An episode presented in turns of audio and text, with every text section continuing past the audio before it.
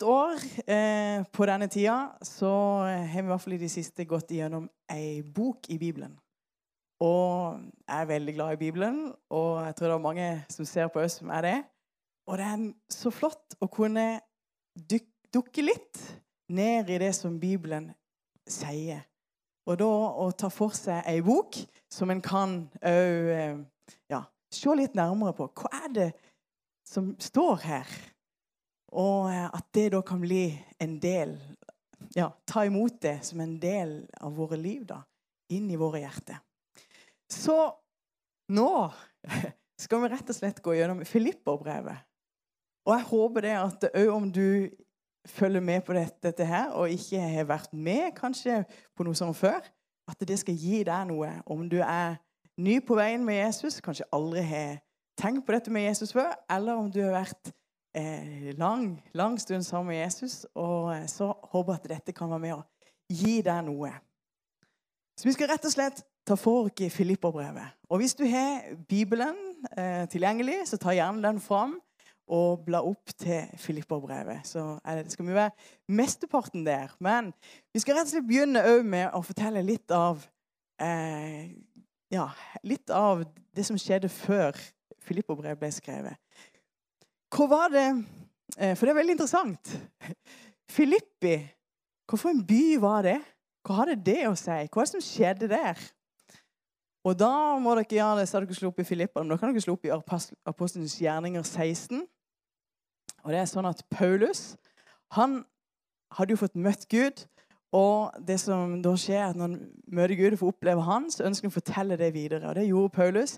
Han ønsker å fortelle videre evangeliet om Jesus. De gode nyhetene om at Jesus han døde for deg, og han sto opp igjen for deg. Og han, ja, han ønsker å frelse deg og gi deg et nytt liv. Dette ønsker Paulus å reise rundt med. Og på sin andre eh, misjonsreise så får vi hørt om Filippi. Og det var ganske spesielt. For det at eh, det står at Den hellige ånd eh, hindra Paulus ifra å gå inn i forskjellige byer. De, de, hadde jo vært på den ene plassen og den andre plassen, og plutselig så var det med som liksom stopp. Nei, nå var det noe annet som skulle skje. Og på natta så får eh, Paulus et syn, og han ser en makedonier som, eh, som roper han og sier, 'Kom over her! Kom og hjelp!' Og da skjønte Paulus at det var Den hellige ånd som ønsker å lede de videre. Og Det første som jeg da biter merke i, det er at de er så lydhøre for det Den hellige ånd vil si til dem. Hele tida var de oppmerksomme på hva Den hellige ånd vil si nå. Hva Den hellige ånd vil lede dere nå. Og Det er sånn som vi òg kan trene oss opp til og lære oss opp til å høre det som Den hellige ånd vil si oss og vise oss hver en dag. Og, og hva han vil vise oss òg eh, der vi skal gå. Men det skjedde i hvert fall da at eh, Paulus med en gang straks så pakka de kofferten, og så dro de av sted. Og henne var det da Makedonia, og den første byen som de kom til, var Filippi. Hva henne er det? Jo, det var jo faktisk til Europa. På den måten kom evangeliet til Europa. Og det gjelder jo oss. Og det er ganske utrolig å tenke på denne historien som nå vi skal eh, bare se litt i før vi går videre i Filippene. For det var sånn da at når de kom til Filippi så tenker Jeg jeg vet ikke når du skal inn på misjonstur, så hadde vi vært på noen misjonsturer, så er jeg sånn Wow, dette skal bli bra, og vi er jo skikkelig gira for at uh, mye stort skal skje, og folk skal få oppleve Jesus. Og, og kan være veldig sånn gira på at wow, dette skal bli så bra. Og så kommer de da til Filippi, og så Eh, så møter de opp der med den elva som, som de For det er ei jødisk gruppe der som har bønn nede med ei elv. Og Der møter de opp, og så begynner de å snakke med de kvinnene som, som kommer der. Og Det står at, at Lydia hun åpna sitt hjerte. Herren åpna sitt hjerte. Og Hun tok imot det ordet som de delte. Og hun var den første da i Europa som vi vet om, i hvert fall, som hadde tatt imot Jesus. Og hun ble døpt, hun og sitt hus. Og ut ifra det så starta det. Du kan jo tenke wow, det begynte jo ganske bra, det, da. Men så fortsatte de å være sammen med, med, med disse og eh, underviste de og ønska å gi dem videre det som, det som, eh, Gud hadde lagt på deres hjerte. Og så skjer det da at det er ei, ei dame som følger etter dem, og som eh, ja, ikke er kristen. da. Hun, hun, det står hun har spådomsånd. og ja, Det som skjedde, i hvert fall var at, at Paulus står han i, ble harm, og så, og så dreiv han den onde ånd ut av, ut av denne dama. Det gjorde at hun ikke lenger kunne spå. Og det, da ble de som hadde tjent masse penger på henne For det var bakmenn der. Noen eh, menn som tjente på at hun hadde spådd for den ene og den andre. Men det var ikke for Gud. Eh, og nå kunne hun ikke spå lenger. For hun hadde jo fått, blitt fri fra det som òg ja, ikke brakte med seg en velsignelse. Men da er det spennende, da, vet du. For da, da Hva skjer da? Jo, da blir disse mennene som hadde stått bak, de blir så sinte så de fører Paulus og Silas for rådet og sier at disse mennene de, de forkynner noe som ikke, som ikke ja, romerne står for. Og Så blir de kasta i fengsel, og det blir gitt òg befaling om at de skulle passe ekstra godt på dem. Og derfor blir de satt i det innerste fangehullet. Før de blir satt der, så blir de òg torturert. De ja, eh, blir piska og, eh, og, slått. Og så Bare tenk det. Og så da blir sittende i det innerste fangehullet. Og det står jo at de, de blir eh, er, ja, Beina blir med som De sitter fast der. Og der sitter de. Wow! Kjempegøy på misjonstur. Det var skikkelig suksess å skulle, skulle komme til Europa. Og der kunne de fort ha blitt skikkelig bitre på Gud. Og tenkt at nei, men Gud, du, du sa jo at vi skulle komme til Europa, og så er det dette som skjer. Ja, det er ei som har tatt imot deg og hos sitt hus, men, men så ble vi satt i fengsel. Og det var jo ikke dette som vi skulle. Eh, og de kunne tenkt Henne er du, Gud? Henne er du, Gud? Midt oppi disse omstendighetene. Og det taler til oss, vet du. For vi kan òg, selv om vi ikke kanskje er i den situasjonen, så kan vi oppleve allikevel noen, noen omstendigheter som kanskje går imot dere. Noe motstand. Og vi kan òg oppleve denne tida som ganske vanskelig. Og og en kan fort tenke 'Hvor er du, Gud?' Ja, men vi ber. 'Hvor er du, Gud?' Men Paulus og Silas de hadde et helt annet perspektiv.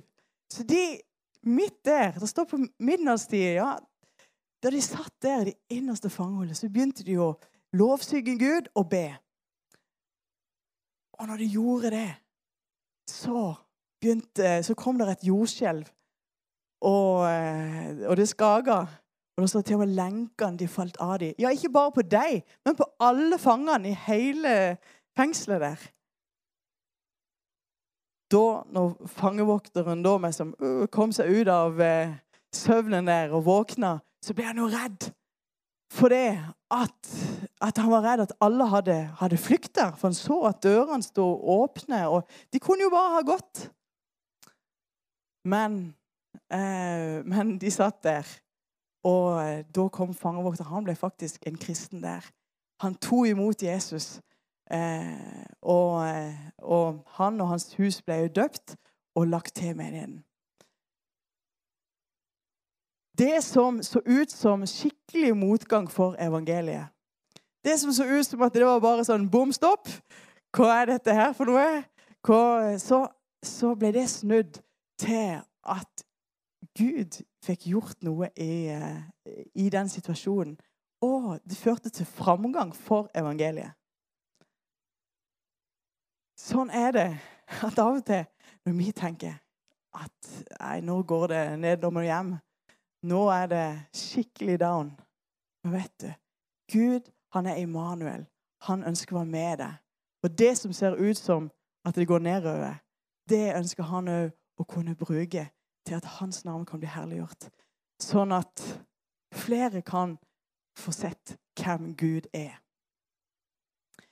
Dette var altså det første møtet som eh, eh, Paulus og Silas hadde med Filippi, og som vi hører om Filippi. Og det er ut ifra denne her, begynnelsen på denne menigheten, som ja, senere da Paulus skriver til. Og vi skjønner at Paulus har et utrolig godt forhold til denne menigheten. Det han skriver, er at han, han lengter etter dem. Eh, og, og en skjønner at det er et utrolig godt forhold til dem. Nå er det sånn at Paulus, når han skriver Filipperne, så sitter han i fengsel. Og, og eh, bare det òg er jo å lage et perspektiv på det han skriver. Hva det vil ha å si. Når han da skriver disse tingene, så, så vet vi at han sitter i fengsel. Han blir virkelig prøvd på mange ting. Og så bruker Gud han oss, og så skriver han dette her til filipperne. Og som òg vil være en sånn oppmuntring til oss òg i denne tida. Så la oss gå rett og slett eh, inn i Filipperne 1. Og der kan vi lese fra Filipperne 1 Paulus og Timoteus, Kristi Jesu tjenere til alle de hellige i Kristus Jesus som er i Filippi, sammen med tilsynsmenn og menighetstjenere. Jeg stopper der allerede der. Og kan tenke, ja, men Det er jo bare, det er jo rett før det egentlig begynner, det han skal si. Men her, og Det var typisk Paulus, og typisk også sånn som de skrev. Han presenterer seg sjøl og, eh, og retter hvem det er til. Og Da er det litt interessant å stoppe opp med dette som står med Kristi Jesu tjener. Paulus, I flere av de andre brevene så omtaler han seg også som apostel. og kan, Det er flere ting som han, han legger til sånn som en, en, på en måte en tittel. Men her så skriver han han er Jesu Kristi tjener. Kristi Jesu tjener. Og en tjener, ja, en som hører til Jesus, hører til sin mester, og en som kommer for å løfte andre opp. En som er der for å tjene. Ikke en som kommer for å herske eller eh, ja, på den måten eh, lede på en sånn negativ måte, men kommer der som en tjener og ønsker å løfte dem opp. Og jeg tenker Det har noe å si til dere, hvordan vi ser på dere. Om du, er, om du står i en tjeneste, så er det i hvert fall viktig å kunne tenke at ja, men jeg er en Kristi Jesu tjener. Men dette gjelder for alle som er kristne. Når du er, Om du er lærer, eller om du er politi eller sykepleier, eller der du er i din heim, så er du eh, Kristi Jesu tjener. Ja, du hører til Jesus. Han har kjøpt deg fri. Han har gitt deg av sitt liv, så at du igjen kan si 'Jeg er din'. Jeg er din, Jesus. Og jeg ønsker å vise din kjærlighet og vise din godhet til mennesker rundt. Og være din tjener der som vi vandrer. Det neste vi ser, det er at eh, han skriver 'til alle de hellige Kristus Jesus'. Jeg vet ikke, hvis, hvis du sier at han skriver, hvis du skal skrive 'til alle de hellige i Lyngdal', så jeg vet ikke om du hadde rekt opp hånda først og sagt at det er meg. For det vi fort så tenker vi på at ja, vi, det er jo ingen som strekker til. Og det er helt sant. Ingen i oss sjøl strekker til og vi er syndere eh, alle sammen. Men så skjer det noe idet en tar imot Jesus inn i våre liv. Så tar vi òg imot hans tilgivelse, og vi får et nytt liv. Og det er hellig. Det er noe nytt som Jesus da har gjort inni våre liv, som er rent, og som er hellig. Og Derfor, når Paulus skriver til dem, så skriver han til alle de kristne som, som er hellige. Altså, ja, og de er hellige. Satt til side for å tjene Gud. Det tror jeg er så viktig òg, at vi kan tenke hvem, hvem, er vi? Og Jesus han har gjort, Gud har gjort så masse for oss. Og at vi har fått en ny eh, tilstand, rett og slett. Vi er ikke lenger eh, syndere, men vi har tatt imot Jesus, så har vi fått et nytt liv, og vi er hellige. Betyr det at vi aldri synder? Nei, det gjør ikke det. Vi bommer på mål, vi bommer og gjør ting som vi ikke skulle ha gjort. Men vi får lov til det å være hellige på grunn av det Jesus har gjort. Fordi vi sier 'Jeg trenger deg. Jeg trenger deg, Jesus, inn i mitt liv. Jeg bøyer meg for deg, Jesus.' Og at ditt liv skal være en del av mitt liv. Ja, ikke bare en del, men at det er vårt, vårt alt, faktisk. Og da er du hellig. Og det som òg skjer, at du ønsker å gjøre det som hører til Guds rike. Du får en lengsel inni deg til å gjøre det som, det som eh, hører til Han. Som det handler om helliggjørelse. Du ønsker å gjøre det som Han vil.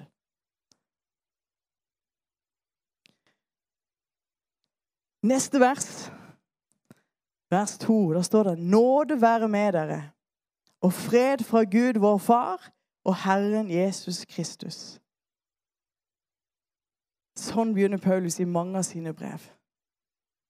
Og vi har gjerne hørt det i, eh, ja, i mange menighetssammenhenger. Nåde være med dere og fred fra Gud, vår Far og Herren Jesus Kristus. Men vi kan stoppe opp òg der og sier at det er nåde. Nåde være med dere. Nåde er virkelig kjernen i det som eh, Bibelen snakker om, og som, som, Jesus kom for å gi. Ja, denne tidstida kaller Jesus for nådens tidshusholdning. Altså det er nådens tid. Og eh, Paulus det er faktisk 100 ganger i løpet av eh, de brevene som han har, så nevner Paulus nåde. Nåde er så sentralt i i evangeliet og i det som, det som blir skrevet om, og det vi tror på. Hva betyr det? Nåde det er et veldig vidt ord. Men det er jo en ufortjent gave som vi har fått. Noe som vi har fått ikke ut ifra hva vi kan få til. Nei, det er ufortjent en gave som Jesus har gitt dere gjennom at han døde på korset. Han har gitt dere liv. Han har gitt dere frelse. Og Når han skriver da 'nåde være med dere', så er det Guds velvilje, Guds velbehag over livet ditt. Guds kjærlighet mot deg. Det er han der du ikke trenger å skamme deg, der du ikke trenger å gjemme deg bort. Men du kan kjenne om det er en nåde over ditt liv. Gud, når han ser på deg, så ser han Jesus i deg. Du har tatt imot hans nåde, hans den gaven han har gitt. Nåde være med dere. Og Tenk å kunne ha en sånn en trygghet på at Gud, han elsker deg. Gud, når han ser på deg, så elsker han deg. Han ønsker å være sammen med deg og han ønsker å velsigne deg. Nåde være med dere. Og så står det 'og fred fra Gud, vår Far, og Herren Jesus Kristus'. Og Det snakkes om en fred på innsida.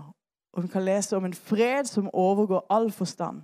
En fred som er langt større enn det ja, noe, noe annet kan gi.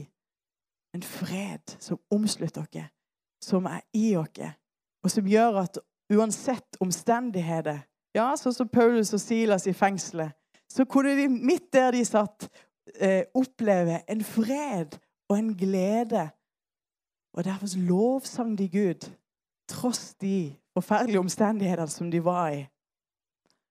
Sånn kan vi òg oppleve hans fred der en er. Om omstendighetene, uansett hvordan omstendighetene ser ut, Uansett hvordan livet ellers ser ut, så kan du oppleve hans fred. Og Derfor er det så utrolig han sier da nåde være med dere, og fred fra Gud, vår Far, og Herren Jesus Kristus. Det minner òg om den andre velsignelsen som vi kjenner fra, fra Gammeltestamentet, der det står 'Herren velsigne deg og bevare deg'. 'Herren la sitt ansikt lyse over deg og være deg nådig'. 'Herren løfte sitt åsyn på deg og gi deg fred'. Nåde og fred. Fjerde punkt, så ser vi at det første eh, Paulus gjør, det er at han takker Han ber for dem, og han takker sin Gud. Så ofte som han tenker på dem, så takker han for dem. Og han ber for dem. Og han gjør det med glede. Ja, han er glad i dem, og han gjør det med glede. Og jeg tenker Det er så godt å minne dere på i denne tida. Og det å be for hverandre.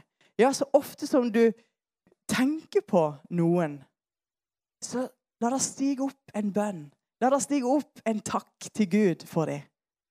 Og la ditt liv bare være sånn en At det, at det ja, kommer mange bønner, velsignelse og takk for de som er rundt deg.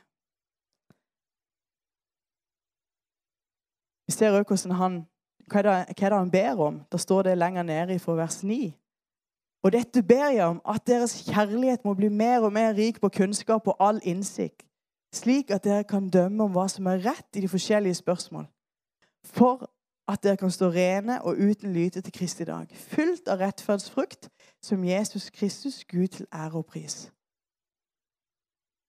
Han ber om at deres kjærlighet skal bli mer og mer rik. På hva da? På innsikt, på kunnskap og all innsikt. Så det går an faktisk at kjærligheten at den blir dypere, videre. At det skjer noe eh, med at, at den blir, vokser i kjærlighet, rett og slett.